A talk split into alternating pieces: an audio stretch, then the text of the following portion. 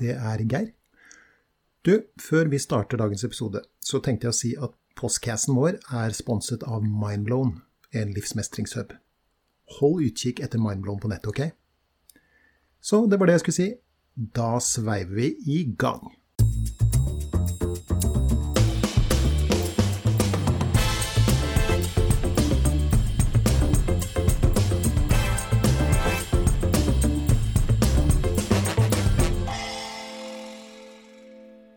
Du rød av stress nå? Nei, absolutt ikke. Og der er vi i gang med episode 66 av uh, Gi litt mer faen. The Postcast! Åssen går det, Geir? Jo, det går bra, Tommy. Åssen går det med deg? Jeg tror jeg kommer til å slite mye mer med å være Geir nå enn du sliter med å være Tommy, altså. Ja, Det skal du ikke si, for det huet ditt fungerer på en helt spesiell måte. Så det, jeg tror vi glir tilbake til våre gamle roller. Men det var gøy å få prøve seg litt, da. Det skal Ja. sies. Ja, åssen går det med deg? Du, det går så bra. Ja, Eh, eller det går ikke så kjempebra. Det går greit, og det er mer enn bra nok. ja. Det er du Ja. fornøyd med, eller? Ja, veldig fornøyd med det. Hva sysler du med for tida? Nei, har jeg nevnt at jeg holder på med et anneks? Ja, det har du nevnt. Og det er noe av et strev, etter hva jeg forstår. Det er veldig strevete. eh, men det skal sies at jeg tipper om maks Ja, jeg skal være forsiktig og anslå tiden. Men maks to til tre år så står det annekset ferdig. Du, vet du hva? Det er effektivt jobba. Og da er det jeg som har bygget det. Ikke Men jeg har hatt noen gode hjelpere. Um, for det krever sin mann å stå der ute aleine. Men uh, jeg har hatt noen gode venner og kjære som uh, har hjulpet meg litt. Mm. Jeg har jo blant annet en kompis som heter Christian, som Jeg vet ikke om han har noe eget liv etter hvert, det. Han er jo Når jeg har frivakt, så er han her i hvert fall uh, tre av syv dager. Såpass, ja. Ja, Har han- ja. har han ikke noe kone og barn og sånt, eller?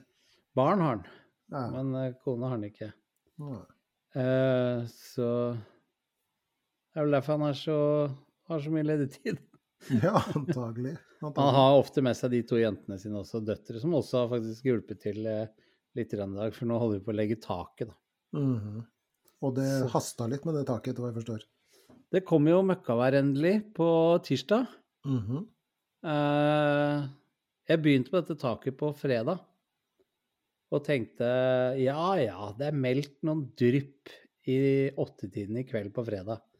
Det skal ikke være noe problem å rekke. Så når jeg var ferdig med å legge plater på en tredjedel av taket, så åpna i hvert fall himmelen seg her på Hurum. Ja. Men det Så var det ikke var- såpass at du vurderte å begynne å bygge en ark? Nei, så ille var det ikke. Men jeg måtte trekke over presenning og sånn, for det blei Det la seg liksom vann på gulvet. Mm.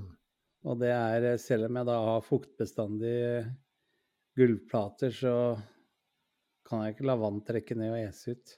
Mm. Så da på med presenning rund bau, og så stå til klokken 11 på kvelden med håndklær og tørke opp vann. Og så sa du noe som jeg syns var litt uh, interessant, for du sa at uh, du har begått veldig mange feil. Veldig. Ja. Jeg tror søren hente ikke meg det er én av disse såkalte grunnelementene for å bygge det greiene jeg ikke har gjort feil. Og så har jeg funnet ut Og det skal vi lage til slogan. Jeg, jeg kom på det Eller det skal bli mitt livsmotto. Og det er eh, Snarvei er den største omvei. Den tror jeg ko- kommer til å, å slå an. Og, det, og jeg skal begrunne det fordi at Er det, en slags, er det en slags variant av hastverk er lastverk, eller vil du si at det er noe helt annet? det er jo et tidsaspekter. Mm. Mens eh, Ja, det er kanskje litt av det samme. Men det jeg har gjort, er jo at når jeg har bygget dette annekset For jeg har bygget det helt fra bånn av selv. Hver en eneste eh, fra støttepilarer til gulv, til isolering av gulv, til reisverk og nå dette taket. Så jeg har tenkt sånn derre Ja ja, to millimeter forskjell på det, det kan da umulig ha noe å si. Det er jo ingen som ser. Men så skal du legge en planke oppå der, Og den planken skal støtte opp en annen planke der. Og da blir den to millimeter. Den forplanter seg, den, vet du. Så jeg har måttet skru ned så mye og begynne på nytt igjen så mange ganger at uh, nå er jeg pinlig nøyaktig. Mm. Og har faktisk gått innkjøp av laservater. Å, du verden. Ja, så nå Men det er jo lyst så lenge nå, så jeg får ikke brukt det før i ellevetida på kvelden. Nei, riktig. Så Nei da. Så det er koselig. Og så skulle jeg jo egentlig vært i bryllup i Barcelona i helgen. Mm -hmm.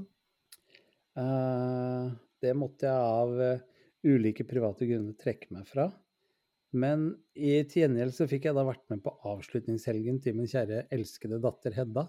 Mm -hmm. Oppå uh, sin musikkfolkehøgskole på Gjøvik, Viken. Og fikk med meg avslutningskonsertene hvor hun fremførte en egen sang som hun har laget.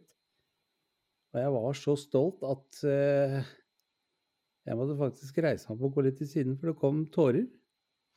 Det var så jævlig bra, den låta. Og full jubel i salen. Og nei, da ble far glad. Jeg hørte noen rykter, du kan si det var en liten fugl, som kvitret ja. noe om at uh, hun har kommet med en låt på Spotify, kan det stemme? Ja, ja. Er det den låta, eller er det Nei, det er ikke den, men det er også en låt hun har laget selv. Ja. Så nå har hun skrevet tre sanger. Og da blir far glad, vet du. Og så håper jeg at hun tar til fornuft og får seg en ordentlig utdannelse, så hun ikke blir artist, hun også. Men uh, det kan ikke jeg styre. Nei, nei. Vi får håpe at hun holder seg unna de skrå bredder, men det ser dårlig ut så langt. Ja, så langt ser det veldig dårlig ut. Mm. For hun, eh, hun, skal ha den Dette er jo fra farsøye og et farshjerte, men jeg syns hun er kjempeflink, altså. Mm. Virkelig stolt. Så bra. Og du da, soldatsønnen, hvordan går det med den? Har det skjedd noe mer i Garden? I Garden, ja. Ja, nei, altså det med Garden, det er litt sånn folkehøyskolepreg over det også. Han er jo hjemme en liten tur hver helg nå, etter at han har vært der. Ja, ja. Det er veldig, veldig hyggelig. Men han har det med at han øh, Han syns at det er gøy å overraske oss. Så han kommer hjem aldeles uanmeldt. Og er aldeles himmelfallen over at ikke f.eks. Øh, det er tatt opp brød fra fryseren og sånt, for vi spiser ikke så mye brød sånn som ellers. Så, så jeg, har, jeg, har, sagt det er veldig hyggelig med overraskelse, men, eh, men si gjerne fra når du kommer hjem, så vi får forberedt litt og, og sånt noe, da. Men, men rent bortsett fra, fra, han, fra, det overraskende aspektet, kan man si, så er det veldig, veldig, veldig hyggelig å få han, få hjem. Og så er det gøy å merke at de vokser, da, vet du. Ikke sant? Lærer nye ting og begynner å reie opp senga og Nei, gir det? Nei da det er, det, er ikke, det er, ikke, noe strekk, da, for det er jo sånn stretchlaken. Det er vanskelig å få strekk i det. Men uh, rent bortsett fra det, nei da. Så her, uh, her, blir det folk, som de sa i gamle der. Det så det er ikke verst. Det er kjempestas. Ja, så... Har det skjedd noe med deg siden sist? Nei, takk og pris ja, der ser du. vår Gud for at det ikke har, eh, har skjedd noe med meg i det siste. Det er uh, hverdager. Men, men, her nede på Østlandet, og jeg vet at det er annerledes andre steder i landet, så så har jo våren eh, etter hvert begynt å melde sin eh, ankomst. Og da er det jo, vet du, da er det jo litt sånn som du driver på. Da, da er det jo pusling i hagen. I stad dro jeg opp et tre som skulle bort. Jeg har eh, skura plattingen, altså terrassen, og beiset som en Vegard. Eh, og, og, det er et helsikes arbeid, for å si det rett ut. Uh, med liksom, det er sånne spiler, vet du ikke sant, i disse vindfangerne, eller hva man skal skille, mm. Nei, hva heter det? Hva heter det? Skilleveggene. Skillevegg. Sånn. Levegg. Levegg heter det. Ikke sant? Ja. Og, og, det er jo et, eh, som de sier i Trøndelag, det er sånn prekkelarbeid. Ja. ja. Men, og da blir jeg egentlig litt sånn mørk til sinns, det står der, for det tar jo så forbanna lang tid. Men så tenkte jeg at kanskje jeg en dag, eh, hvis Vår Herre vil og er såpass barmhjertig at jeg blir en ordentlig gammel mann og jeg ligger på gamlehjem, så kan det nok tenkes at jeg lengter tilbake til den tida jeg hadde førlighet nok til å stå og prekle med en, eh, en levegg. Ja. Så da blei det ikke så ille likevel. Nei, sant. Ja, det var ikke sånn positiv tenking, altså. Det var litt mer sånn realistisk uh, tenking. Sette ting i perspektiv. Sette ting i perspektiv. Det er viktig. Ja. Det er viktig. Ja. Og det tenker jeg også på, for det tenkte jeg på da du fortalte det du fortalte om, uh, om alle disse feilene og sånt. Og så tenkte jeg at ja, men hvilket, hvilket bedre bilde på livet enn å enn å gjøre feil på feil og til slutt få det til. Mm. I hvert fall som noenlunde. I hvert fall ta til å holde vann eller noe i den retninga der. Ikke sant? For det er jo feilene vi lærer av. Ja. Hvis vi hadde gjort alt prikkfritt fra begynnelsen, så hadde vi ikke lært en skit. Så det er jo helt, eh, helt nydelig. Så det meste er overførbart eh, til livet, tenker jeg. Så det å sette opp et anneks er egentlig eh, egentlig et skue av livet? Det er det, Det du sier? er et, rett og slett et bilde av livet. Ja, for jeg har sett flere sånne metaforer, for jeg tenker sånn Først er det viktig at fundamentet er helt riktig. Ja. At du tåler reisverket oppå. ja. Og hvis fundamentet ikke er i vater, eller ting ikke bærer, så vil også reisverket rase. Og sånn tenker jeg også egentlig litt på med livet. Du gjør det. ha, ja, for du må ha de derre tingene som. Ja, familie, et godt hjem, eh, en jobb, en venneflokk. Så Mm. fundamentet er der, liksom, så kan man blomstre Ja. på toppen. Men det som er så fint med, med altså livsfundamentet, da, hvis vi skal forfølge den eh, metaforen, det er jo det at det er aldri for seint å få en god grunner. Aldri. Nei, Og det er det jo med anneks her også. Hvis den hadde blitt skeiv, så hadde jeg bare måttet bygge på nytt. Ja, ja, ja. Ja. Det er tungt, men eh, det er det verdt. Ja. Du store alpakka. Ja. Her, er her er vi inne på noe. Det, er, det må muligens bli uh, nest, Du, for det, det tenkte jeg skulle spørre deg om. For Ja. at vi får altså masse e-poster om både podkast og bok og alt mulig. Mm. Og én ting som uh, særlig folk som skriver om podkasten, nevner Mm. altså, For det kan jo være folk som da ikke har fulgt oss hele tida. De har begynt å høre på oss i det siste, f.eks., og de har begynt å høre på de tidligste episodene og bla, bla, bla. Og der snakker vi jo, for de som har vært med oss en stund nå, så, så snakker vi jo mye om showet, ikke sant, og at vi har vært her og der, og hvordan det ble mottatt og, Mm. og, og sånt noe. Og da er det mange som sier når kan vi få se dette showet? Yeah. Og det tenkte jeg skulle spørre deg om i dag. ja, det er jo et legitimt spørsmål, det. Ja, det er jo det. Men jeg har ikke noe godt svar på det. Nei. Det, For det, det showet drar du ikke rundt med lenger. Nei, i bunn og grunn så gjør jeg ikke det. Jeg, jeg vet ikke helt hvorfor, for det, det er jo ikke noe eh, show som har gått ut av tiden. Mm. Tvert imot det er kanskje enda mer aktuelt nå enn før, på det, før pandemi og krig. Mm. Så Nei, jeg får vurdere det, da. Eh, Det hadde vært, vært kult å videreutvikle i hvert fall. Kanskje det skulle vært det sånn foredragsforestilling som eh, Som enten som du i hvert fall var med å skrive, eller, eller var med å gjøre, da. Mm. Uh, kunne det vært kult også å laget liksom Hatt boka di, hatt alle disse episodene med podkast, alle mailene som vi har fått, det er jo mange hundre, og trukket essensen ut av det, og så laget en, en slags eh, foredragsshow, da. Mm. Showforedrag. Infotainment, som de kaller Ja. det borti England. Mm. Ja, hvem vet? Vi må bare få ferdig dette annekset nå, så vi kan sette oss og jobbe. Ja, det høres ut som en veldig god idé. Du sendte meg jo et bilde, det ser jo til å bli rimelig svært òg. Ja, det er ikke så stort, men eh, det er stort nok. Ja. Stort nok til at man kan sitte der inne og jobbe og ha en liten sofa. Det verste er at det, det er så bratt ned på forkant av det annekset ned til neste nivå på plenen. Mhm. Så jeg måtte bygge meg en sånn trestillas for å kunne jobbe i front på den. Men da får man jo smaken på å ha terrasse utafor den annekset også. ja, ja. Så sånn, sånn går nå dagene. Det Ja, blir bare ikke mer sant. og mer. ja. Og nå ville jo Linda kjære ha platting mellom hovedhuset og annekset. En eneste Så- gigantisk platting oppover skråninga der. Ja, det blir, eh, blir til slutt en liten landsby, dette her. Ja, ja. Spansketrappen go home. Ja, Ja. der skal vi lage Storsandtrappen istedenfor. Mm. ja, det kan jo bli noe av en severdighet, antagelig. Men du, når du snakker om at eh, mange folk sender inn mail og følger med på podkasten Du fortalte meg en historie før vi gikk på luften her, sånn, som er utrolig kult, fordi han, eh, sønnen din er jo i Garden. Mm. Og der er han jo sammen med en annen kul kis. Mm. Mm. Som for disse gutta er jo da 20 år.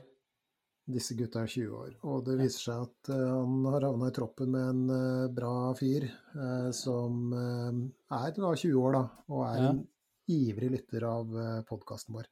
Og vi er jo glad for hver eneste lytter vi både har og får, Absolutt. hadde jeg nær sagt.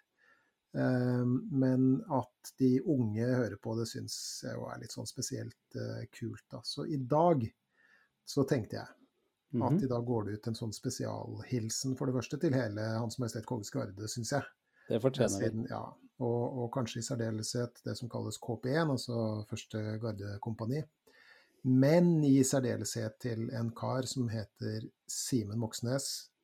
Han er, etter hva jeg har fått høre, en kriger på veldig mange måter. Og han er da en fast lytter av, av podkasten vår, da. En stor Så- hilsen til Simen. En stor hilsen til Simen, og ikke bare det. Simen, denne episoden, den er til deg. Så da skal vi er sette i gang. Ja, du er Ja. spent? Okay. Ja, da blir det en episode, da. Hæ? Ja, da blir det en Garde-episode, da. Det blir en liten gardeepisode her. Kanskje, Ja. eller kanskje ikke. Eller jo det, jo, det blir kanskje på et vis det. For hør nå her. Mm. Vi skal jo i gang med regel nummer sju Ja. i denne etter hvert så berømte boka til eh, professor i psykologi eh, Jordan Peterson. Jordan B. Peterson. Nå er det under en måned til han kommer. Ja, det er det også. Det tenkte jeg på i dag. Himmel og hav. Ja, det blir, eh, blir interessant. Og vi treffes i Oslo, ikke sant? Ja, ja. Ja, Og så er det jo frigjøringsdagen i dag. det er det også. Og Ja, du vet at jeg bor på Storsand, så jeg har jo da ja, 50 meter er det ikke, men bare et par hundre meter luftlinje bort til Oscarsborg. Jaha. Hva er det? Hører du noen lyder?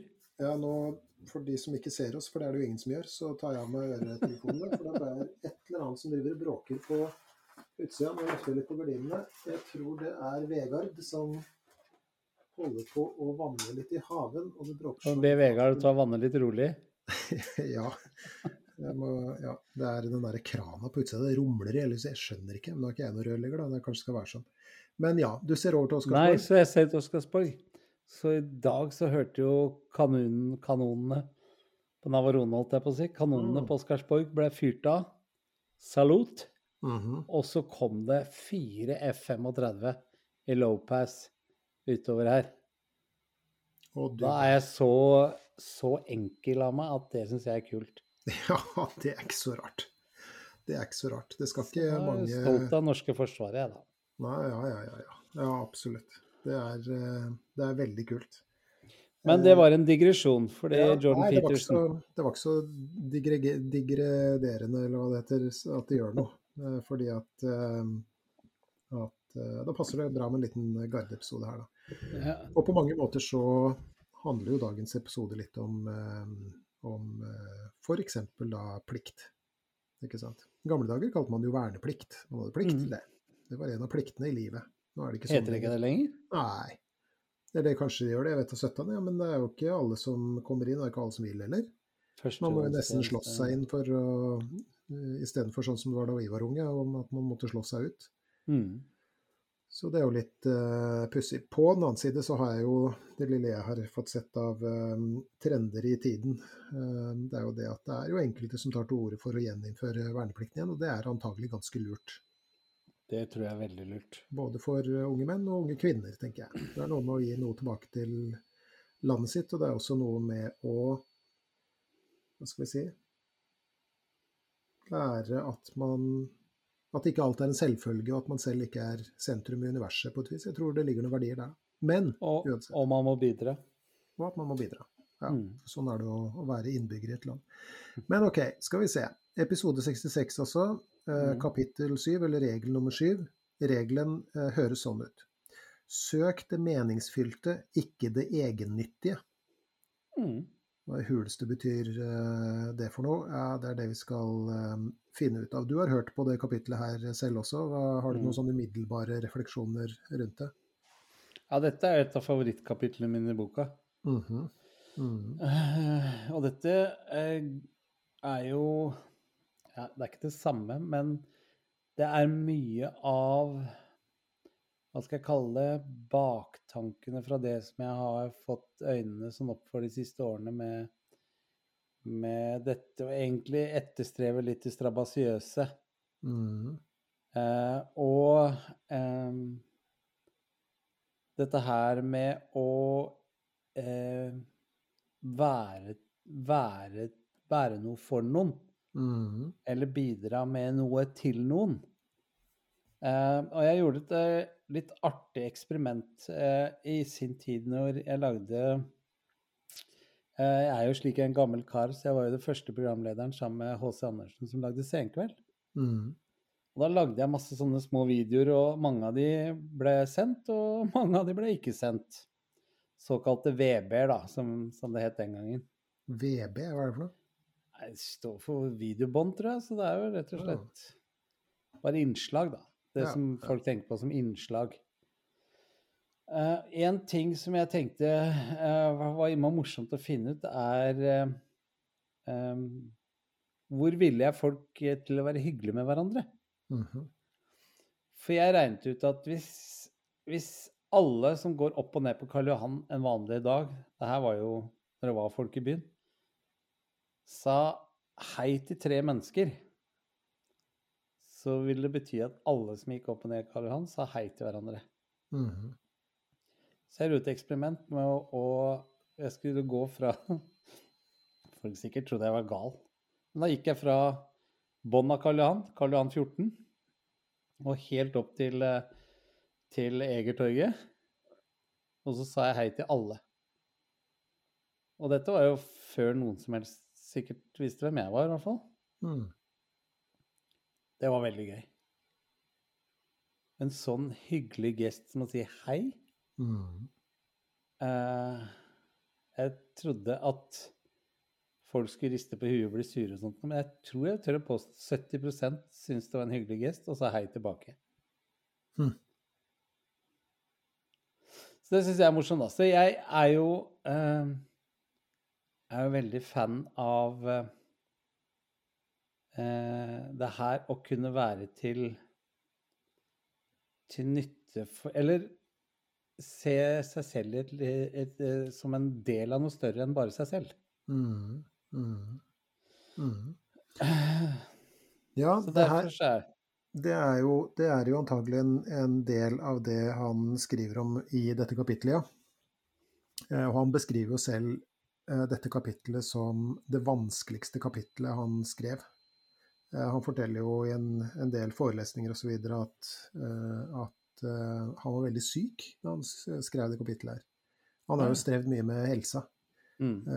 mm. Depresjoner er jo én ting, men, men også en del sånn, nærmest sånn autoimmune tilstander med tenner som løsner og aldeles skrekkelig. Dattera hans har for så vidt, eller hadde for så vidt Ja. eh, det samme, men han, han strevde veldig med, med, med dette innholdet her, da, det å forklare det på en god måte. Og, og det han starter um, dette kapitlet med, er at han uh, sier at kapitlet er tufta på en dyp kristen idé. Uh, nemlig det at, um, at uh, Kristus døde for våre synder, sier han. Ikke sant? Og så kan man jo være så ateistisk man bare vil og tenke at, at, eh, at det er, eh, er noe tøv. Men, men det Jordan Peterson jo er opptatt av, er at alle gamle og nye historier for den del har noe å si oss. Og at det ikke nødvendigvis skal tolkes bokstavelig, men det som på vakkert kalles fenomenologisk. Og hva, eh, hva er det for noe? Jo, sånn helt sånn enkelt forklart er det et forsøk på å beskrive noe uten å ty til f.eks. vitenskap og bevis og alle disse tingene som vi er uh, vant til, ikke sant? Men heller prøve å beskrive, eller hva skal vi kalle det da? Bruke virkemidler som um, som uh, beskriver beskriver hva skal vi kalle det, en opplevelse, da. Ikke sant? Hvordan noe fremstår, hvis du skjønner hva jeg mener. Ok, så Mm. Her er et eksempel som han også bruker. Og jeg syns Mm. at det er et så strålende eksempel at, jeg, at jeg, det er ofte det jeg liksom drar fram i huet mitt når jeg tenker på dette med sånn fenomenologi. da. Mm. som har mye gudsjammerlig kjedelige uh, definisjoner osv., så, videre, så det er knapt at jeg gidder å lese det. Men, men her er måten han uh, beskriver det på, og, og, det henger liksom veldig på, på greit for meg. da. Han sier f.eks.: La oss se på hvordan folk i gamle dager beskrev mm, jorda og menneskets tilværelse på et vis på jorda. da. Ikke sant? Mm. Verdensbildet, da, om vi kan kalle det det.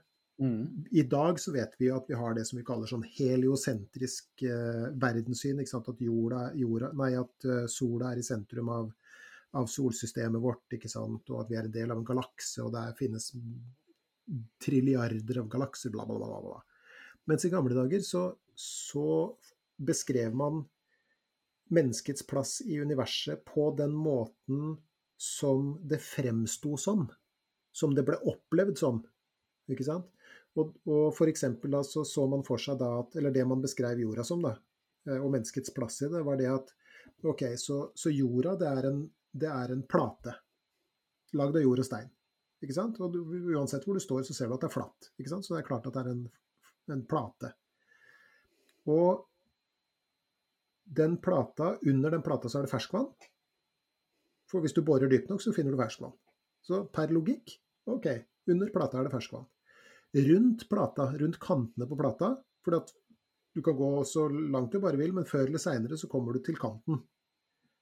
Og der finner du saltvann.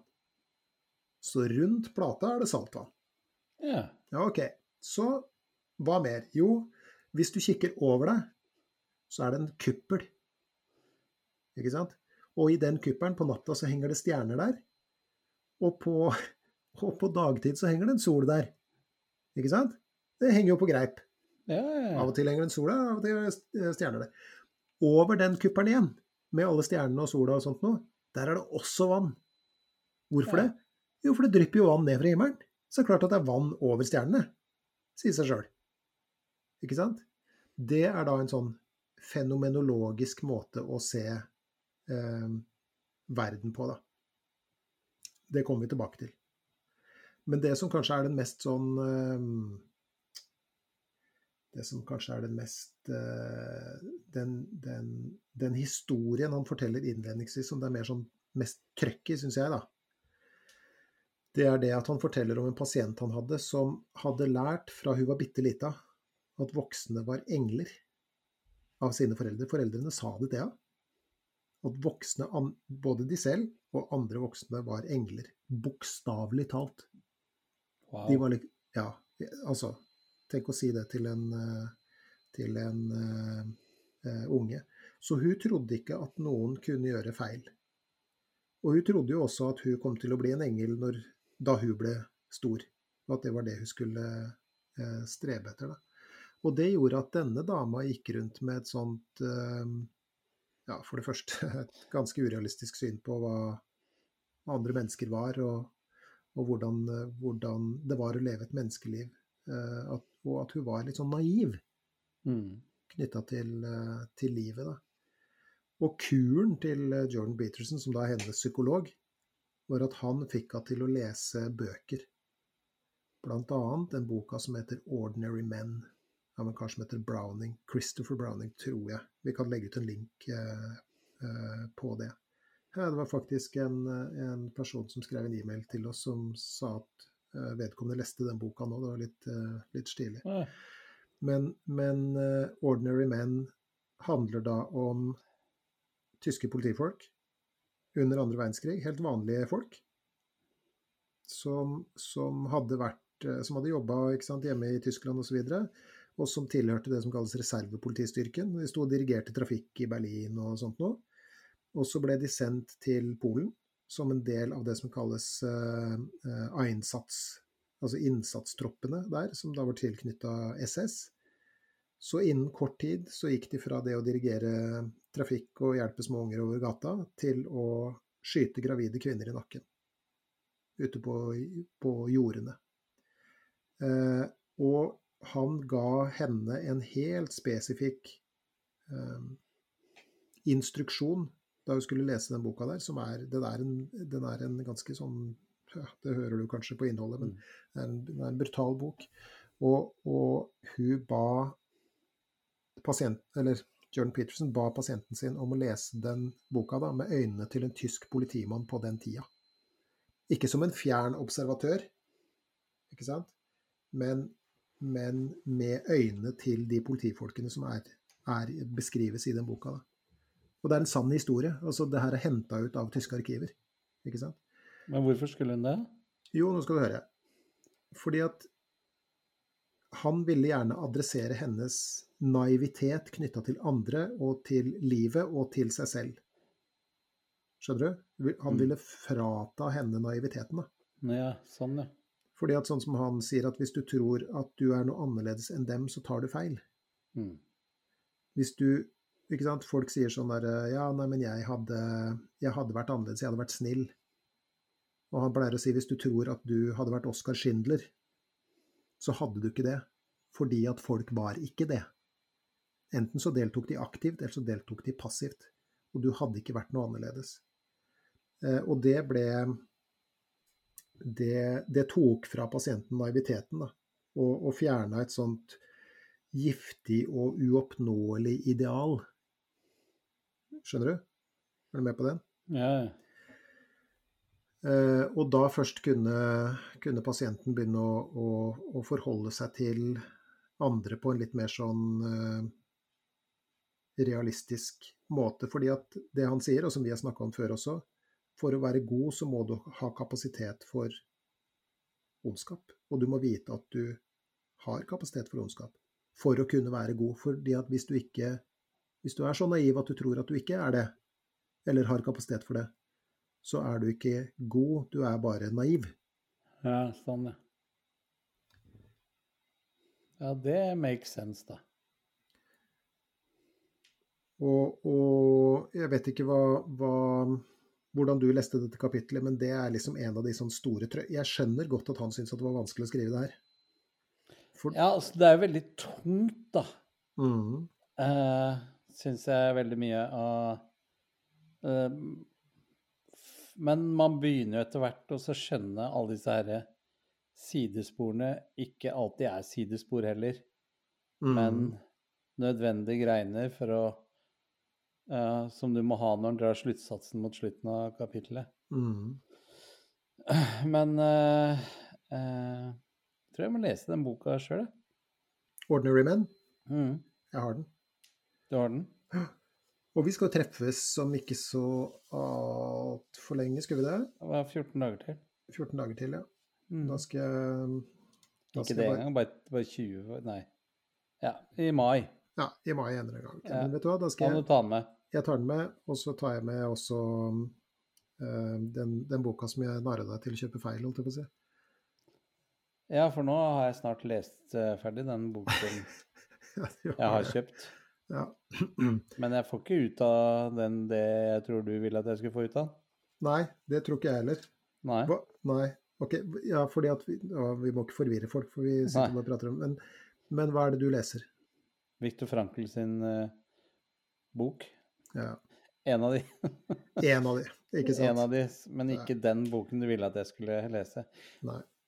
Men det er en sånn bokserie som Cappelen eller et eller annet sånt har laget, og så er dette en, Jeg tror det, det virker nesten som en sånn tverrsnitt av boka. Ja. For du leser om det som kalles Fryktelig vanskelig og tungt. Eh, og egentlig bare eh, Egentlig bare en stor forklaring på denne terapiformen. Hva heter den? Logoterapi? logoterapi. Ja. Mm, Ja, logoterapi. Riktig. riktig. Og eh, Men ja, ja. Da får, får jeg den inn i huet òg, da. Den skal du også få inn i, i, i huet, det, og det blir gøy. Da, da blir det en sånn Tommy leser-episode. Når du har, For Ja. den, den, den eh, egentlige boka, Ja. Eh, som jeg Da kan vi lage en Tommy leser-episode. Ja, for den er Ja. ikke tunglest. Den, den flyr man gjennom. Det er eh, helt utrolig interessant. eh, Da skal du få bytte med den boken her, så skal du få Helst ikke, men greit nok. Siden jeg lurte deg, så skal du tung, det er veldig tunglest. Ja, Eh, ja. Men nå er du flinkere til sånne ting enn meg. Men, eh, Ja, si ikke det. men i hvert fall så eh, Tilbake til, til det kapittelet under Jordan Peterson, så er det jo eh, Fordi det jeg syns er det beste med å sitte sånn som dette her nå, så høre deg eh, forklare litt, er at Det er ikke alltid like lett å forstå kapitlet. Men jeg hadde jo, som jeg sa til deg eh, en gang også Jeg hadde jo litt det i bakhodet, det her eh, Jordan Peterson sin hovedtanke nummer én for oss mennesker er at vi, som vi har sagt mange ganger før, vi skal sørge for at jorden er bitte lite grann bedre når vi drar, enn når vi kom.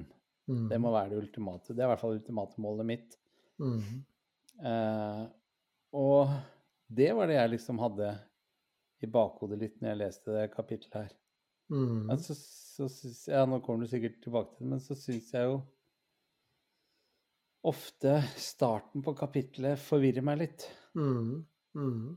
Ja, det, det, det, tenker jeg du har veldig rett i. Man må være litt sånn uh, tålmodig. Men det er en rød tråd her. Skal vi finne opp, uh, altså, hente opp ja. den røde tråden igjen? Ok, mm. greit.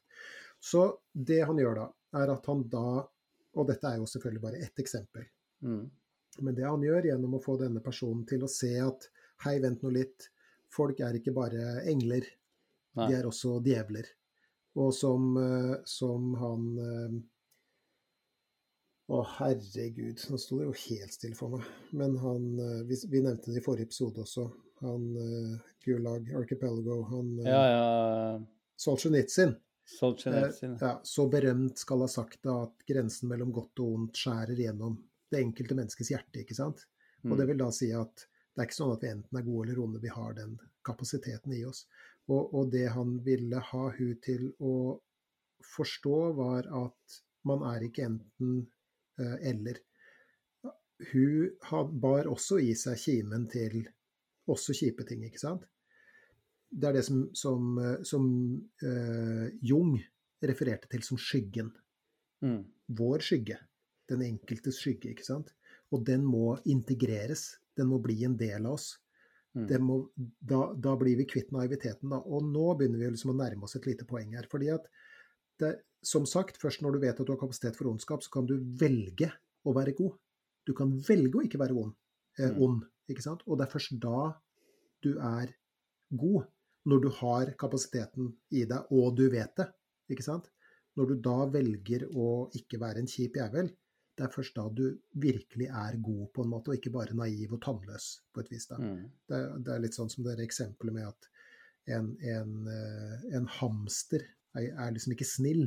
Den, den kan jo ikke annet. Ikke sant? Den, den, har ikke, den har ikke rovdyrskapasiteten, eller hva man skal si. da. Ok, så og greia her er da at en bivirkning av å integrere denne skyggen, av vite at du bærer kimen til begge deler i deg, er at at bivirkningen kan være at du lærer deg at du har tenner, hvis du skjønner hva jeg mener, i overført betydning. Mm. Og at du dermed lærer deg å sette grenser for andre. Ikke sant? Fordi at du vet at du, og igjen i overført betydning, kan bite fra deg. Mm. Ikke sant? At, at, du har krefter i deg som, som faktisk kan sette grenser, og, og, som gjør at du ikke til enhver tid bare lar deg overkjøre fordi at du, skal, du, er så, du, er så, snill og naiv at du, at du bare lar deg tråkke over, på en måte. Og det er en sånn man kan kalle det en slags sånn bestilling som jeg ofte får i terapirommet. Folk setter seg ned og så sier jeg, ja, OK, men øh, velkommen og sånt noe, Hva, hva, hva, synes du vi skal jobbe med? Og det er veldig mange som da sier jeg vil gjerne lære meg å sette grenser. Og hva tenker du på dette med å sette grenser? Hva er det for noe?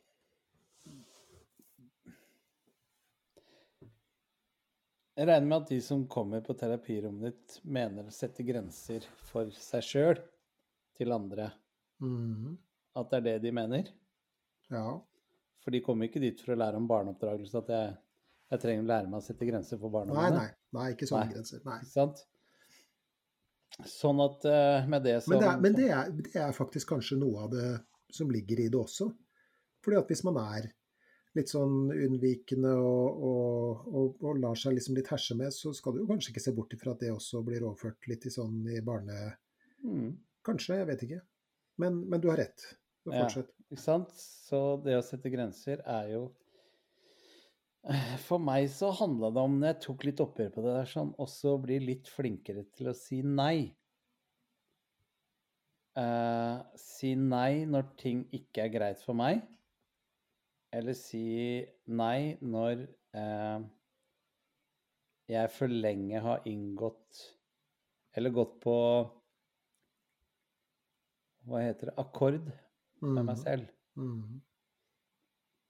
Så i mitt tilfelle som, som levde, levde og lever litt ennå, vel, mange år som artist, så handler det veldig mye om at du må bli likt. Mm. Mm. Ikke sant? For er det mange mennesker som liker deg og det du gjør, så kan du fortsette med det du driver med, for da er folk villige til å kjøpe billetter eller se på TV-program eller høre på radioprogram eller hva nå enn folk måtte jobbe med innenfor showbiz, da. Eh, og faren i det er at du blir så opphengt i å bli likt at du er litt sånn selvutslettende. Mm. Mm. Og du måler Men tror, alt. tror du at det gjelder Veldig ledende spørsmål her, da. Ja. Men tror du at det bare, bare gjelder artister som er avhengig av et Nei. Nei. For det tror ikke jeg heller, nemlig. For det er det jeg skal si. Og det her opplever jeg at flink pike-syndromet, likesene på Facebook, cupcakesene, eh, mødre som sliter seg ut for å være karrieremamma og verdens beste mamma og på alle fotballtreninger mamma og bestevenninnemamma og boble på lørdag-mamma, eh, handler om akkurat det samme. Mm. Fordi vi liker jo å bli likt av andre folk. Nei, hvorfor gjør vi det, da? Er det- tror, Jeg er det tror- det at vi liker å bli likt av folk, eller er det noe annet? jeg tror det er at det når du blir likt av folk, er jo på en måte en anerkjennelse at du tilhører flokken. Mm. Og det er jo det vi ønsker å være. Mm. Det er jo det vi er mest redd for av alt i verden, er jo ikke få lov å være en del av flokken. Mm. Så hvis du ser på eh, barn på barneskolen, og da kan jeg snakke om meg selv, liksom. Det å ikke bli invitert til bursdag, eller det å ikke få lov Jeg syns det er noe av det mest eh, nådeløse Jeg vet ikke om de gjør det fortsatt på skolen, men vi hadde veldig ofte sånn at vi skulle uh, i gymmen og skulle spille fotballkamp eller håndballkamp eller dødball eller kanonball og sånne ting. Så var det to stykker som ble plukka ut, som skulle velge hvert sitt lag. Mm. Og så valgte de annenhver gang én person. Den følelsen av å stå igjen som siste eller nest siste, den er ikke noe god. Nei, det skal sies. Det kan jeg love deg at jeg vet. Mm. Og hvorfor ikke? Jo, fordi man føler at man har ikke så høy stjerne i flokken at man blir valgt først. Mm. Sant? Så det starter jo Tuppen og lillemor. Ikke sant? Hvis du ser på jenter, hvordan de holder på med sosiale medier. Du er inne, du er ikke inne. Du er ute, du er ikke ute. Mm. Så dette følger oss jo eh, hele livet, og vi etterstreber alle som er en, tror jeg, eh, å få lov å tilhøre flokken. Mm. Så vi har det her i oss eh, medfødt, nesten, den redselen. Ja, og da er jo den store faren at man er jo villig til å nesten utslette seg selv for å bare bli anerkjent eller likt. Mm. Sånn at nei, jeg kan ikke fortelle folk hva jeg egentlig liker, eller hva jeg egentlig syns er greit, i tilfelle ikke de liker det. Mm. Um, og gudene skal vite hvor mange kompiser jeg har hatt opp gjennom tidene i mitt liv, liksom, som jeg har tviholdt på, men som egentlig bare tapper meg for energi, ikke gir meg energi. Mm. Eller tapper meg for glede, ikke gir meg glede. Og så tviholder man på det fordi man Alle er jo redd for det ultimate dø alene-syndromet. Mm. Men, men hva, hva har det her med grenser å gjøre, da, tenker du? Altså, hvor kommer det Jo, fordi at vi tør ikke å sette de grensene fordi vi er redd for at det betyr avvisning fra den vi setter Mm. grensene overfor. Mm. Og da uh, blir det jo sånn at du sliter deg ut isteden. Mm. Mens fakta er jo at svært ofte er det at hvis man tør å sette litt grenser, så er det veldig mange mennesker som respekterer det. Og Mm. de som respekterer det og tar hensyn til det, de skal du ta vare på. Og de som Mm. ikke respekterer det eller ikke tar hensyn til det, skal du ikke ta vare på. Mm. Så enkelt er det vært for meg, i hvert fall. Mm. Men var det enkelt da du var ung? Nei. Eller har det blitt enklere med åra? Ja, jeg må jo si det at eh, Nei, når du er ung, så er det der helt jævlig. Mm. Det er jo Da vil man jo for enhver pris tilhøre flokken. Hvorfor tror du alle ungdommene går rundt i samme parajumper jack og jakke og eh, er livredde for å ha feil mobil eller feile støvler eller Mm. det hører på feil musikk eller noe sånt. Så ser du en jenteflokk nå på 14-15 år, så er det helt umulig å se hvem forskjell på de. Mm. De er uniforme. Ja. Og så tør vi kanskje også være litt mer unike når vi blir voksne og litt tryggere på oss selv. Hva er fordelen med å, å sette grenser, da? Jo, fordi du utsletter jo ikke deg selv. Mm. Uh, du Fordelen med det er jo at du Du forteller folk rundt deg hva som er viktig for deg.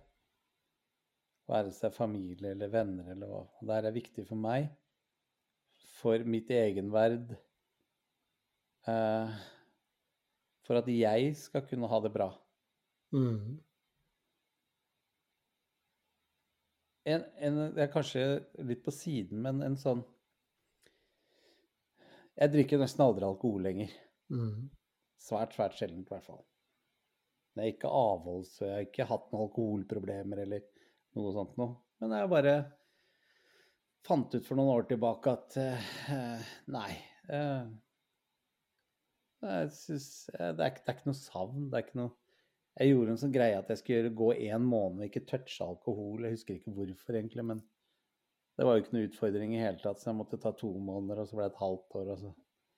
Men i hvert fall så, så Selv om jeg aldri har drukket noe særlig store mengder før, eh, så vil jeg i hvert fall påstå at jeg drakk mer før enn det jeg gjør i dag. Nå tror jeg sist gang jeg smakte alkohol er eh, Det blir tre måneder siden. Sånt. Jeg smakte på sånn velkomstdrink og sa skål, liksom. Mm. Så jeg, jeg kjører jo stort sett. Og når vi da er i sosiale sammenhenger med venner og sånne ting Nå er det ikke noe problem lenger, for nå har jeg gjort det i så mange år. Men i begynnelsen så er det utrolig vanskelig å hele tiden si nei. Mm. På grunn av gruppepresset, liksom? Ja, og de var sånn Hva er det for noe? Har du, problemer med det, eller hvorfor? Ikke sant? Så det, det er nesten Du ville nesten sett litt rart på at du ikke ville drikke ja, sånn pinnekjøttlag da, ikke sant? Eller Mm. man skal møtes til en eh, sånn lunsjtreff med masse venner, eller man drar til Spesielt når vi er på ferie og sånne ting, sant? og skal møtes på kveldene til fest og moro og middager ute og sånne ting. At man ikke skulle ta et glass vin eller sånt. Og det ble neste Det var kjempe... Så da satte jeg en grense, og jeg sa til folk at nei, jeg vil være med på alt dette her, men jeg vil ikke drikke alkohol. Mm. Fordi det var en ting som var viktig for meg. Mm. Det hadde vært lettere om jeg der og da bare Ja, ja, kom igjen. Og slippe å ta de fightene er kanskje å dra det litt langt, da, men skjønner du, de diskusjonene. Mm. Så da valgte jeg jo å sette en grense som var viktig for meg. Mm. Og noen sånne drikkekompiser, som man skal kalle det Det høres ut som jeg er en alkoholiker, da, men noen kompiser som var sånn Man dro på gutteturer og dro på guttejulebord og alt mulig sånt noe. Som jeg hadde veldig mye kontakt med da når jeg drakk alkohol og tok disse festene annenhver måned, eller hva det var for noe. Eh, de er mer eller mindre borte. Mm.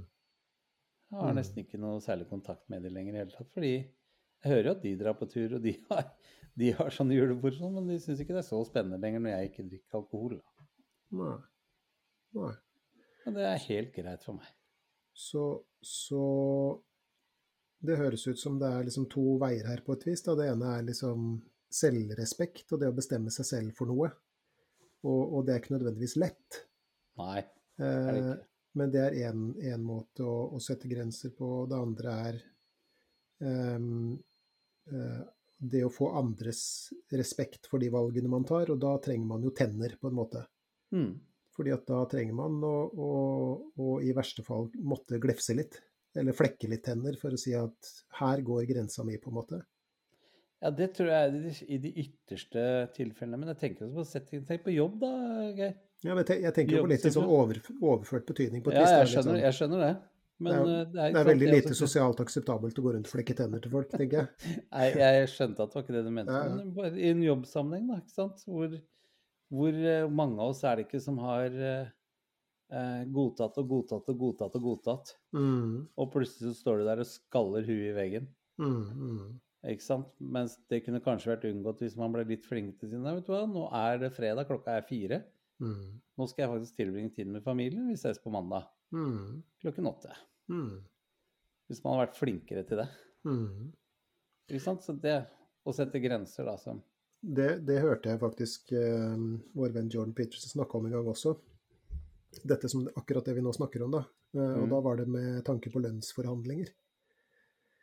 Fordi at hvis du skal forhandle om lønn, så må du være villig til å eh, nærmest komme med trusler, da.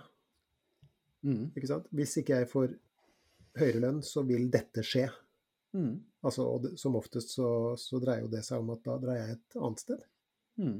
Og så må du være villig til å Ta, gjennomføre. den, ta den risikoen. Ikke sant? Men du Mm. må være villig til å gjennomføre det du jo, ja, misforstå meg rett, truer med, på en måte. Mm. Så ja, OK. Bra. Bra. OK, så han, han fortsetter da mm, og, og, og som vi har sagt, altså dette er jo sånne meditasjoner, og, og det er eh, mange tanker han kommer med, og han har ofte noen sånne biveier før han begynner å komme til poenget. En av de tingene som han nå, en av de biveiene, eller omveiene han nå slår inn på, det er at han begynner å snakke om eh, mening. Mm. Og mening, sier han, det er det som beskytter deg mot livets tragedier. Eh, Han siterer bl.a. Nietzsche, jeg greier ikke å gjengi det engang, men, men det er ganske interessant utsagn. Um, nei, vi får komme tilbake til det, jeg greier ikke å, greier ikke å gjengi det. Er på, det er på engelsk, men, eh, men samme det. Altså, han spør hva, hva er mening, og, og han sier at du kan på en måte føle det, du kjenner igjen mening når du har det. Altså det er når du er engasjert i noe, ikke sånn der flow og mindfulness-aktig, men, Mm. men det, er, det er når du er så engasjert i at, at du du eh, at, at du gripes av det, da. Eh, og og ikke, ikke nødvendigvis gripes eh, lystfullt eller, eller gledesfullt, men, men at liksom det roper mot deg 'dette må gjøres'. Ikke sant? Og, og det er det her vi kommer tilbake til det med plikt, da, som vi snakka om, eh, om eh, innledningsvis, og som, som han mener eh, som han mener at, at kimen til mening kan eh, ligge i. For det er ikke noe offer i alt det som er lettvint. Eller expedient, som det heter på, på engelsk, og som er det ordet som brukes i den engelske utgaven. Altså i, i den, eh, i den eh, norske utgaven så, så bruker man ordet egennyttig, men kanskje kunne man kalt, kalt det lettvint eller lystfullt eller noe sånt noe. Ikke sant? Mm. men du skal søke det meningsfylte. Og, og det er derfor også han, han nevner historien om Jesus eh, til å begynne med også. Dette med, at, eh, dette med offer, ikke sant. Eh, å påta seg ansvar, plikt og vanskelige oppgaver gir eh, mening. Og han har, er jo berømt for å si 'plukk opp et kors og bær det'. Ikke sant. Finn det vanskeligste og tyngste du klarer i livet ditt, som du er i stand til å bære, og så eh, gjør du det. Og mening har ikke noe med lykke, dette idiotiske begrepet, å, å gjøre. Og, og det begrepet var jo fryktelig populært for noen år siden. Jeg vet ikke om du husker forsida av sånne kulørte magasiner og sånt. Og sånn, 'Slik blir du lykkelig', og sånn som det. Og det er jo selvfølgelig det rene, skjære sprøyt, Mm. eh, etter mitt, eh, mitt estimat. Da, fordi at, ja, men altså, altså jeg, jeg holdt på å daue i den perioden der. For det, var, det var et sånt lykkejag at jeg ikke har sett på maken. Men lykke, vet du, jeg vet ikke om du har vært lykkelig noen gang, ja, men, men du vet jo, du som har levd en stund også, at lykke er sånne små blaff. Mm. Lykke er en følelse, og følelser kommer og går. De Mm. kan aldri vedvare. Og hvis du skulle vært så dyrisk uheldig at du skulle vært lykkelig hele tida, så hadde det til slutt blitt en normaltilstand. Ikke sant? Du hadde, du hadde tilvenna deg til det, altså det som Mm. man på psykologisk kaller habituering. ikke sant? Og da hadde du ikke vært, vært spesielt lykke, lykkelig eh, lenger. Men hvis vi snakker om tilfredshet, så er jo det noe annet. Mm. Ikke sant? Det å være sånn Du, du sa jo innledningsvis sånn? 'Hvordan går det med deg?' Sånn Nei, jeg har det liksom greit. Mm. Og det er tilfredsheten, på en måte. Ikke Mm. sant? Men sånn jeg er ikke lykkelig. Ikke sant? Hvis man har det som prosjekt, da, og skulle Mm. være eh, lykkelig, så har man, eh, har man et problem. Men det Jordan Peterson sier, og som han mener å ha dekning for i alt av litteratur og menneskehetens kulturelle historie, på en måte, er liksom eh, Gjør det vanskeligste du kan eh, da. Ikke sant? Og, og, og mening er kobla opp til begrepet mestring. Altså det å mestre noe, det å øve på noe, etter hvert få til kanskje bitte litt av det osv. Og det å ha et mål å strebe mot, der ligger på en måte tilfredsheten, snakker, eh, snakker han om. Og jeg må jo eh, si meg enig.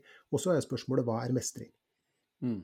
Og i våre dager så, så kan man jo lett få inntrykk av at mestring er liksom Det er resultatet av noe. Det er når man har OK, så ok, en liten sånn bistor fra min side òg, da. Har du sett på 71 grader nord noen gang? Jeg har vært med, så ja. Ja, har du sett på i det siste? ja, det har du. 71 grader nord kjendis. Det glemte jeg helt. Jeg syns Ja. kanskje ikke skal rippe opp i det, for det gikk ikke spesielt bra, men det er jo greit nok. Jo, det gjorde det. Det er, det er, mener alle andre enn meg, tydeligvis. ok. Ja, Jeg ja. kom, fikk vært med i 19 dager Jaha. og fikk utfordret meg selv hver eneste time jeg var der. Så Ja. ja, da gikk det bra. Ja, ja men det er, det, er, det er jeg glad for å høre. Jeg vant ikke, men det var ikke mitt mål. Nei, det var ikke det. Det var å være med Nei. så lenge som mulig. Nei, å gjøre ting som jeg var helt sikker på at jeg aldri kom til å gjøre. Ja, Det var målet mitt. ja bra. bra. For jeg syns ikke det å være modig er å gjøre farlige ting, men det er å gjøre ting som du er redd for. Eller til tross for at du er redd for det, Ja. og gjøre det allikevel. Det er helt enig. Syns jeg er en veldig god definisjon. Så jeg var veldig modig i 71 grader nord, Ja. og lyktes veldig med mye. Ja. Så det der gikk ikke så veldig bra, greiene, kan du ta til deg. Jeg er helt sikker på at Vegard altså- eh, støtter meg der. Ja, det er, det er veldig sant. Jeg ber om unnskyldning for det, men, Ja. men, men det er kanskje spesielt en scene jeg tenker på som så, Og som jeg ikke har sett. Jeg, jeg, Jeg Jeg har nemlig- fjellveggen. ja, og, Ja. Og, det, og jeg har sett alle um, sesongene av, av eh, 71 grader nord kjendis, uh, unntatt den med deg.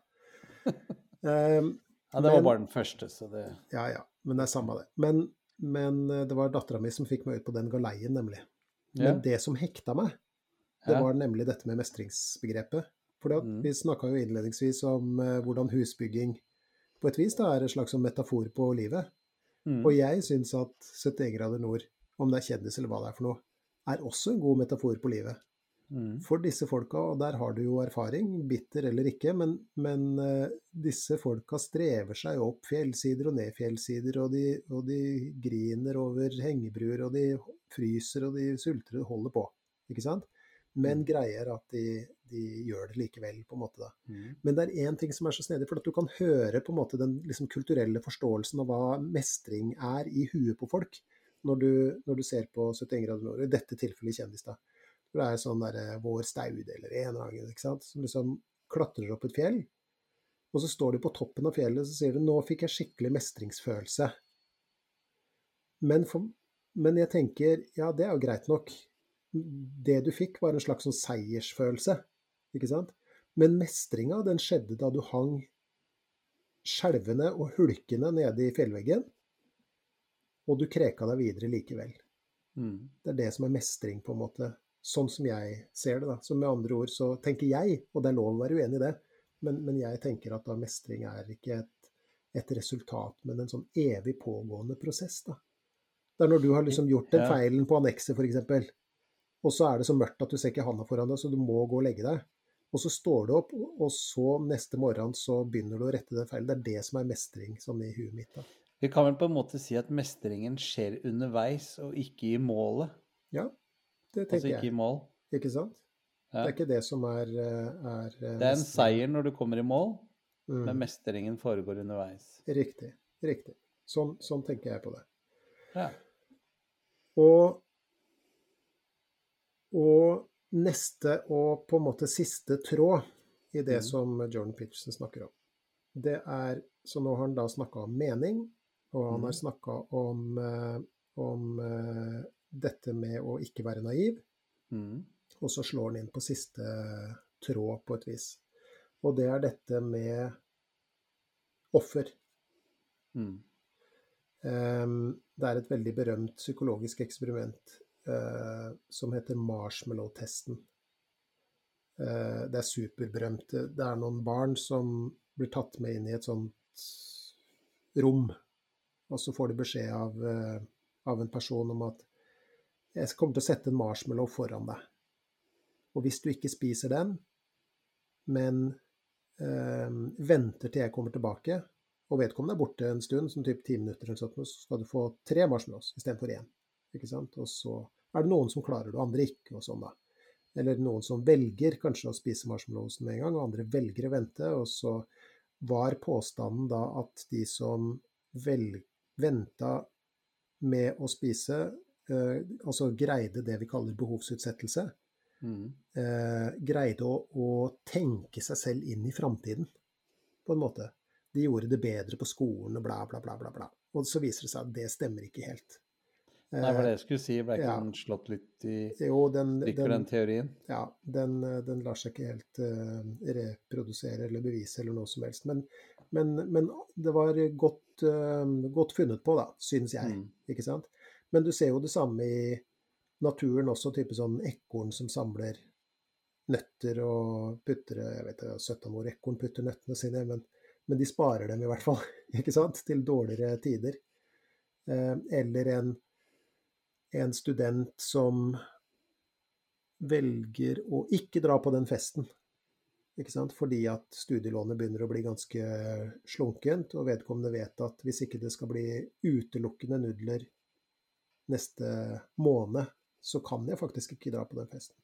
Ok, Så hva handler det om? Jo, det handler om å utsette umiddelbar nytelse eh, versus hva som kan være lurt på sikt.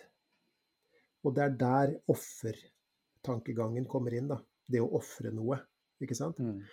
Og tilbake til det som kalles en sånn fenomenologisk forklaring på, på sånne ting.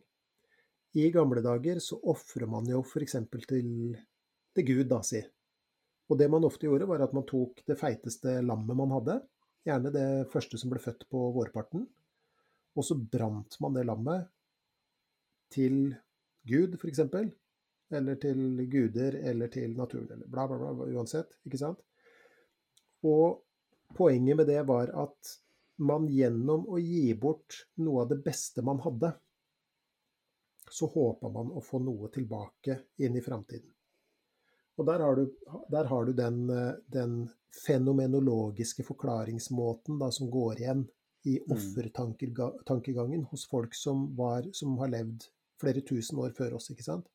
For de tenkte at Gud den bor i himmelen, og da må jo jeg Hvis jeg da skal få kontakt med denne guden, så brenner jeg dette lammet sånn at røyken stiger opp. Ikke sant? Mm. Fordi at hvis røyken stiger opp, så stiger røyken opp til Gud, og så kan Gud kjenne lukta av mitt offer, og så blir Gud blid. Mm. Og så vil Gud beskytte buskapen min og kanskje gi meg enda flere lam og, og sånt noe. Men poenget er jo at det var en måte å se ting på som Som vi beskriver på en annen måte nå, da. Ikke sant? Det vil da si at vi ofrer noe nå for å kunne oppnå noe som vårt fremtidige jeg vil nyte godt av. Mm. Er du med på den? Ok. Og det vil da si at vi ofrer noe i dag. La oss si at du f.eks. bestemmer deg for å begynne å trene, da. Mm. Så gjør du ikke det for den personen som sitter i den stolen som jeg ser på skjermen nå. Du gjør det for den Tommy som er to år fram i tid, f.eks. Mm. og som skal bli en gammel person. Um,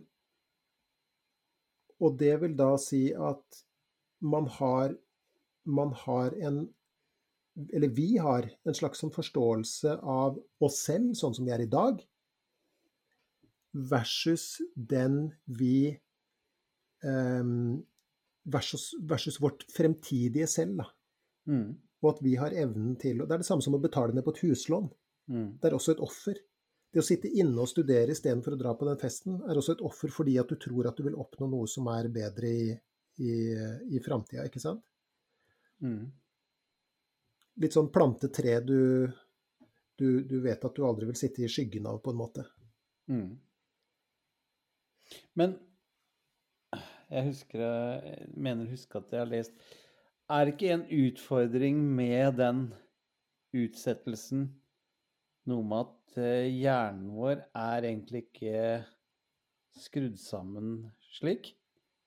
Jeg mener å huske at uh, greske filosofene og stoikerne men jeg husker ikke helt uh, Det kan jeg finne fram, men jeg mener jeg leste noe av Marcus Aurelius hvor belønningssystemet som vi har i hjernen vår, uh, er ikke tilpasset sånn som samfunnet er i dag, hvor vi utsetter Sånn som du nevnte nå, da, ikke sant. Mm. Betale ned på huslån eller eh, spare til pensjon, ikke sant. Eh, Mm. Eh, alle disse eh, utsettelsene. Sånn at eh, Jeg mener å huske ganske tydelig at de greske filosofene sa at det var også veldig viktig med å ha eh, Samtidig som de store målene dine, så var det veldig viktig å ha delmål. Mm. For belønningssystemet i hjernen vår gjør at Hvis jeg f.eks. Eh, sier nå at eh, OK, jeg skal begynne å trene, jeg veier nå 115 kg, jeg skal gå ned til 100, 105 kg. Men når jeg kommer til 110, da skal jeg ta meg Da skal jeg kjøpe meg en bukse, eller eh, da skal jeg unne meg en skikkelig middag, eller da skal vi ha Da skal jeg kjøpe tidenes største påskeegg og feire at jeg var gått ned til 100 Ikke sant? Skjønner du? Mm. Mm. at da var det større sjanse for at man lykkes. Så når du snakker nå om disse offergreiene som Jordan snakker om i, i kapitlet sitt, da, Mm. er det ikke en krasj der på de to tingene, eller er det jeg som er bare helt ute og sykler? Jeg vet, ikke jeg vet ikke om det er så mye krasj eh, for så vidt, men, men det du sier høres jo veldig sånn riktig ut. For det å sette seg kortsiktige mål og Mm. belønne seg selv underveis, det høres jo Mm. veldig smart ut. Ikke sant? Kjøpe seg den nye buksa, eller når du har holdt deg røykfri en uke, så bruker du de pengene på bla, bla, bla. Ikke Mm. sant? Så, så, så det høres jo eh, smart ut. En annen ting som jeg tenkte på mens du satt og, og, og filosoferte nå, hadde jeg nær sagt, var jo også at Og det her vet ikke jeg om er riktig. Nei? Har absolutt ikke peiling, så det her er jo rene filosoferinger fra min side også. Men, men kanskje er det sånn at Eller det er lett å tenke sånn, da, i hvert fall for meg. Eh, at i, i, i tider hvor vi har det veldig bra, så glir vi lenger og lenger bort fra tanken på, eller bevisstheten på, at vi også må At vi også må berede oss på en fremtid som kanskje ikke er så bra, da. Mm. Litt sånn som Norge, som bygger ned jordbruksareal, f.eks. For eksempel. fordi at vi tror at fred og fordragelighet og velstand og velferdsstat og, og fredelig sameksistens med andre eh, nasjoner skal vare inn i evigheten, på en måte. Mm. Ikke sant? Vi har jo ikke noe, noe store matlagre, vi har bygd ned forsvaret vårt, vi, ikke sant? Det vil da si at vi, vi tenker ikke så mye på vår, våre framtidige jeg, da. Vi bare går ut ifra at de vil ha det bra. Det er litt som hvis vi nå snakker om helse igjen, da. Ikke sant? Så, så, så hvis man da tenker at man bare kan drikke videre og røyke videre og, og spise flesk med smelta smør på, så, så vil det gå helt fint. Fordi at uh, ens fremtidige selv vil garantert være frisk, på en måte. Mm. Um, kanskje er det noe, noe, noe der også uh, muligens. Og det vil jo da si at ofring og, og kall det behovsutsettelse kan, kan komme generasjoner til nytte eh, framover. Ok, så én ting gjør vi jo riktig. Vi har jo bl.a. Eh, salta ned penger i dette oljefondet. Mm. Hva skal si det? Ja. Og det er jo en slags sånn eh, et slags offer på et vis. Vi bruker ikke pengene nå. Vi, vi, vi, vi, eh, vi skal la dem komme fremtidige generasjoner til gode. Og så viser det seg jo for så vidt at oljefondet så, de, så vidt dekker pensjonen til de som er i live i dag, men det er jo en, en annen uh, greie, da. Men her er, bare for å, å avslutte Jordan Petersens eh, mangfoldige krumspring nå, mm. så mener han da at dette med offer, det henger sammen med begrepet disiplin. Og dette er igjen også da kobla sammen med valg. Mm. Ikke sant? Store og små valg knytta mm. til hvilke ofre vi skal gjøre, da. Skal jeg ta det kakestykket? Skal jeg sitte inne og studere istedenfor å dra på den festen? Skal jeg spare eller bruke disse pengene? Hva er best for mitt fremtidige jeg? Eller de fremtidige andre? Ikke sant? Mm. Og det er der det kommer inn det som du snakka om uh, innledningsvis. For du snakka om også dette med at hvordan gjøre ikke bare livet bedre for det fremtidige meg, men, men hvordan kan jeg gjøre livet bedre for de fremtidige andre. Og du mm. sa, og jeg tror det var før vi eh, starta opptaket, så sa du at en av disse filosofene hadde, hadde et prinsipp. Mm. Marcus Aurelius eh, mener jeg husker hadde det i eh, Eller om det var Om det er en av grunnprinsippene til stoisismen. Hvor du skal Du skal gjøre noe Du skal gjøre en god gjerning hver dag mm -hmm. for andre. Ok. Um, og det var der, ikke sant, det her med uh, Hvor du skal uh, Det er ikke det egennyttige. Mm. Ikke sant? Du skal ikke gjøre det for jeget, du skal gjøre det for andre. Eh, bonustappen på det er jo at når vi gjør noe egen, ene og alene for noen andre, mm. så gjør vi det allikevel for oss sjøl, tenker jeg. Ja, hvordan da? Nei, fordi at du skal være bra eh, Annerledes skrudd sammen hvis det å hjelpe andre og se dems takknemlighet, lykke, eh, godt humør, eh, ikke gjør noe positivt for deg. Mm. Skjønner du hva jeg mener? Mm. Altså, eh, for å forklare det enkelt Hvis jeg hjelper en dame over gaten mm. ikke sant? En gammel dame over gaten er det typiske bildet på å gjøre en god gjerning. Jeg hjelper en gammel dame over gaten. Det er litt sånn speidergreie. Ja, ikke sant? Overhodet ikke noe jeg selv kan tjene på det. Jeg må jo gå to ganger. Må, I tilfelle den er over, så må jeg gå tilbake nå. Mm. Hvis jeg ikke skal samme vei. Mm. Så eh, uten tvil en god gjerning som kommer denne gamle damen til gode. Men hennes reaksjon på det, eh, det er én ting. Men en annen ting er hva det gjør med deg selv og dine tanker om deg selv når du har gjort det. Mm som jo er bonusen og gevinsten i at du gjør en god gjerning. Så det blir en, en dobbel gevinst, tenker du? Ja. Så hvis den gode gjerningen du gjør, er pur ekte og Nå snakker jeg ikke bare om å betale 195 kroner til Redd Barna hver måned fordi de har ringt og spurt, liksom. Mm. Som også er en bra ting, ikke misforstå meg. Uh, men hvis det er en pur, ærlig, god ting du gjør for andre, så tjener du også på det sjøl. Mm. Og jeg tror det var det eh, stoisismen også påpekt. Ja, hva, hva, hva, men hva, tjener du på det, tenker du da? For du sier ja, du kjenner litt på det sjøl. Hvordan da? Nei, så, som jeg sa, da, fordi at den følelsen det gir deg at du er til nytte for andre, mm. eh, det er en god følelse som du nyter godt av. Mm.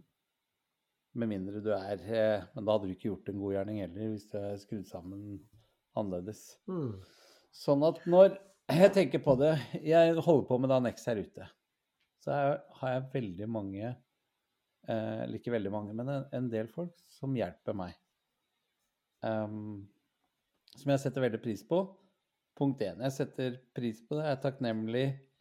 Jeg viser dem veldig tydelig at å, hadde ikke du hjulpet meg nå, så hadde ikke jeg kunnet gjort det. Men i, en, i neste sving så er det jo de som trenger hjelp. Mm. Og hvis ikke jeg er veldig, veldig uh, superegoistisk, narsissistisk, uh, gæren oppi hodet mitt, så vil jeg synes det er utrolig behagelig å kunne få hjelpe de en annen gang. Mm. Ergo. Så hvis jeg går opp til naboen, for det, uh, han ene naboen min her, han har hjulpet meg mye, men jeg har også gått opp til han for jeg så han sleit med å få fra hverandre noe stein som han har sprengt og sånt. Jeg gikk ikke opp til han fordi at å ja, hvis jeg hjelper han nå, så kommer han til å hjelpe meg. Jeg gikk opp og tenkte sånn Da kan jeg slå av en prat, ta en snus, og jeg hjelper han. Og det gjør meg godt. Mm.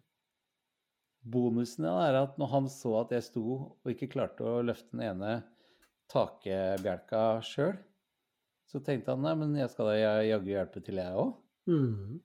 Så han kom ned, og nå tror jeg faktisk jeg er i minus. Nå tror jeg han har hjulpet meg mer enn jeg har hjulpet han. Eller det vet jeg. Mm. Så det skal godt gjøres at jeg sitter på terrassen her en soldag nå og ser han slite med å bære en bjelke eller ikke får opp en, eh, en maskin eller sånt når jeg bare sitter og ser på. Mm. Jeg vil jo så klart gå og hjelpe han også. Mm. Men du, ja, og jeg, jeg, jeg jo Det der syns jeg var veldig ålreit. Og det er, det er, litt sånn derre Det man øver på, blir man god til også, på et vis. Mm. Ikke sant? Altså man blir Etter hva du nå da sier, så blir man god på å Ja Hva skal jeg si Se andre, hjelpe andre, men også god på å gi seg selv den gode følelsen på et vis. da. Men her er et annet spørsmål i litt sånn samme greia. Mm. Du sier det å Det er et uh, stoisk prinsipp som handler om å hjelpe andre. Jeg tenker jo også at hvis man gjør bra ting for sitt fremtidige selv, Mm. så kan det også ses på som å hjelpe en annen. Fordi at du er ikke den samme som du var i går. Du har andre erfaringer. Eh, Den personen du skal være om en uke, vil ikke være den samme som du er nå. Nei. Går det også an å se på det på den måten, tenker du? Ja.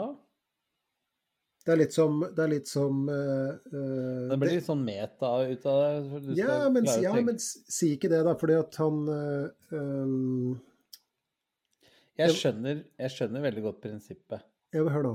Hør nå, Mm. her er- et eksempel. Det er eh, eh, Jeg har nevnt det før, det spiller ingen rolle. Det er han eh, Simpson, hva heter han? Far, Simpson-faren? Homer. Homer Simpson, ja. Ikke sant? Ja. For han, han står og blander seg en halvliter med, med majones og, og vodka. Ikke sant? Står og rører det sammen med en skje, da, for det syns åpenbart han er veldig godt. Og så sier Marge, kona hans, Ja. at eh, herregud, Homer, nå må du gi deg, har du tenkt å styrte det der? Og så sier, eh, så sier Homer, ja, det har jeg tenkt å gjøre. Ja, men, men hva med i morgen? Du kommer til å føle deg helt elendig. Og så sier Homer, det er et problem for den fremtidige Homer. Jeg er jammen meg glad jeg ikke er den fyren. ikke sant? Det er litt sånn samme, samme greia, da. Ja. Men det, det som det, det som, eh, som Jordan Pitchen i dette eh, hva skal vi kalle det, kompliserte og ekstremt mangfoldige kapitlet da, eh, ber oss om å spørre oss om, det er hva er best for mitt fremtidige jeg, eller de fremtidige andre? Litt sånn som du snakka om nå. Mm. Eh, fordi at prinsippet, det overbyggende prinsippet i livet, må være per logikk, mener Jordan Peterson, å redusere unødvendig lidelse både for deg selv og andre. Og mm. dette er et individs ansvar i verden. Dette er individets ansvar. Altså den Mhm. ansvar, ansvaret for alle oss enkeltmennesker. Da. Med andre ord, det er ditt ansvar. Og ansvar gir mening. Mm. Så derfor, søk det meningsfylte, ikke det egennyttige. Kan jeg være litt sånn djevelens advokat nå? Ja. Gjerne. Tanke Kall meg gjerne tulling. Men OK. Det er mulig vi må ta opp alt det her på nytt igjen hvis du ødelegger alt nå. Ja, nei, jeg skal ikke det. Nei da. Eh, Bare tøys. hvis jeg Ta det Ta eksempelet du har som student. Så eh, sier jeg at nei, jeg skal utsette den festen fordi studielånet er så tynt at da må jeg spise nudler. Så derfor så hopper jeg over den festen. Mm. Ikke sant? Hvis du tar det eksempelet. Hvis du ser på lykke som, som små punkter, da. Mm. Sant? Sånn at når du skal kjøpe den middagen neste uke istedenfor nudler, Mm. så blir det et sånt lykkepunkt. Nå tar du jo bort det lykkepunktet med å dra på festen, Mm. og erstatter det med det lykkepunktet når du kan ha råd til å kjøpe middag. Mm. Summen er jo den samme. Ja, rent bortsett fra at hvis du, hvis du nå da appliserer prinsippet med å skape, eller altså redusere unødvendig lidelse, da. Mm. Hvis det er det du holder fram, og ikke dette Mm. lykkepjattet, Mm. så er vi fremdeles innafor. Da har Jordan Pitchen sine eh, ord i behold. Fordi at hvis du skal redusere unødvendig lidelse, så er det kanskje en lidelse da, å spise nudler i 14 dager. Og det er i hvert fall en lidelse å være fyllesyk for de som skal ha prøvd det. Mm. ikke sant? Og kanskje gjør du noe idiotisk på festen også, på toppen av det hele. Så Ja. ikke, Er du med? Men da er det jo å kutte ut fest per se som er, som er hovedpoenget, Du kan jo hvis du skjønner hva jeg mener. Ja da. Så jeg unngår den lykkerusen det gir meg å være full og gæren i kveld og danse på bordet, som er helt fantastisk, for da unngår jeg det pinlige, fæle, eh, det vonde fysiske i morgen. Mm. Men det som er, det som er summa summarum her, da, er jo søk å ta ansvarsfylte valg. Mm. Eh, Det er det han mener. Så, så mye du klarer. Du er ikke noe overmenneske, du er bare en vanlig person. Ikke sant? Men målet ditt vil være da Og én ting er jo å bidra på en god måte i andres liv og i ditt eget liv og sånt noe, men, men det overbyggende prinsippet, det bærende prinsippet, da, om vi kan kalle det det, er å redusere unødvendig lidelse. Hvis man har det som et eh, Og det, det har vi jo blitt litt sånn enige om, du og jeg, at det er, det er i hvert fall vårt mål. For det er det som ligger innebakt i, i dette med å forlate denne Og jeg er ikke uenig, altså, ikke Nei, nei. Nei, nei, ikke sant. Men Men hvis, det en, hvis man ser på liksom det å ikke dra på festen som en lidelse, og det å være fyllesyk som en lidelse, mm, så velger du en av de. Altså, summen blir, summen blir det samme. Men det som er artig, er jo at hvis du tar Marcus Aurelius, eh, som jo du vet at jeg er fan av, Mm. så gjorde han jo også fordi når vi snakker om det strabasiøse og strabasslivet og alt det som vi har snakket om før, mm, så gjorde han akkurat det samme. Han lå jo på det kalde, harde marmorgulvet tre dager i uken, eller fire dager, eller jeg husker ikke summen, fordi det blei så utrolig deilig å legge seg i senga etterpå. mm, Og når han da var ute i felt og krig, som han var ofte, så, eh, så ville han være bedre rusta til hvis han f.eks. en dag måtte sove på bakken eller ligge oppå hesten og sove mens de rei videre og sånt noe. mm, Så, så han De også utsatte jo ting og lykke, eller godfølelser, da, der og da, av samme grunn. mm. Ja, der forsvant Tommy Stein. Nei, hører du meg ikke? Nei, jo, Hører du meg ikke? Du, du, helt, du forsvant i en uh, elektronisk uh, kakofoni. Ja, Det betyr sikkert er- at vi må snart gjøre, gjøre oss ferdig. Ja, og bildet ditt frøys i en uh, særdeles lite flatterende grimase, det kan jeg fortelle deg med en gang. Takk, det samme. ja, ok. Men i hvert fall, redusere Nei, unødvendig så det var det jeg Bare for å eh, fullføre, jeg vet ikke om du hørte det. Så Marcus Aurelius gjorde også det. mm, Levde strabasiøst for å utsette eh, godfølelsen. mm, mm. Få den, få den litt seinere, kanskje. Ja, Mm. ja. Veldig bra. Veldig bra. Så han gjorde da et offer, da. Det Han det gjorde, han, det er det han gjorde. Uh, og, og, og ifølge da både all eh, Nærmest all litteratur osv., og, så videre, og ikke minst vår venn som vi snart skal se i Oslo, så, så kan dette være med på å bringe eh, mening til det som vi alle kan spekulere på er eh, hva som er poenget med, med dette livet, da. Mm. Så det. Nå er jeg helt svett. Dette er, var et supervanskelig kapittel. Det var vanskelig å forstå. Det, var, det er vanskelig Mm. å forklare, fordi at her er det tre sånne elver som kommer fram til en uh, konklusjon etter, uh, etter hvert. Men, uh, men verdt å få med seg, og jeg tenker også at det er ikke så veldig vanskelig å, å stille seg bak det han forsøker å, å løfte fram da, som et, et prinsipp i, i livet, på et vis. Så det Da var De er røde i ansiktet, Ja, Vigtil. jeg er eh, Nå er jeg, nå er jeg gåen. Men du, det er lenge siden vi har gjort det. Hvis du på ett minutt nå skulle oppsummert eh, det vi akkurat har snakket om, da, så eh, skal vi være villige til å ofre oss i form av utsette ting slik at vi eh, begrenser lidelse. Er det riktig forstått? Mm. Og så For det var det siste vi snakket om. Ja, det er, det er stort sett det. Ikke sant? Det Ja. å ofre umiddelbar tilfredsstillelse for et bokstavelig talt høyere mål. Altså det er et Ja. mål som kan ligge lenger fremme der, som vil Mm. kunne gi deg noe godt, men det, det høyeste målet er å, å, å ja, redusere denne unødvendige lidelsen, både hos deg selv og hos andre. Da. Mm. Og at det gir, kan være med på å gi livet mening. Mm. Så jeg er veldig, veldig med på den, og den er sagt. Ja, Da har vi Eh, konkludert, da. ja, vi har i grunnen det.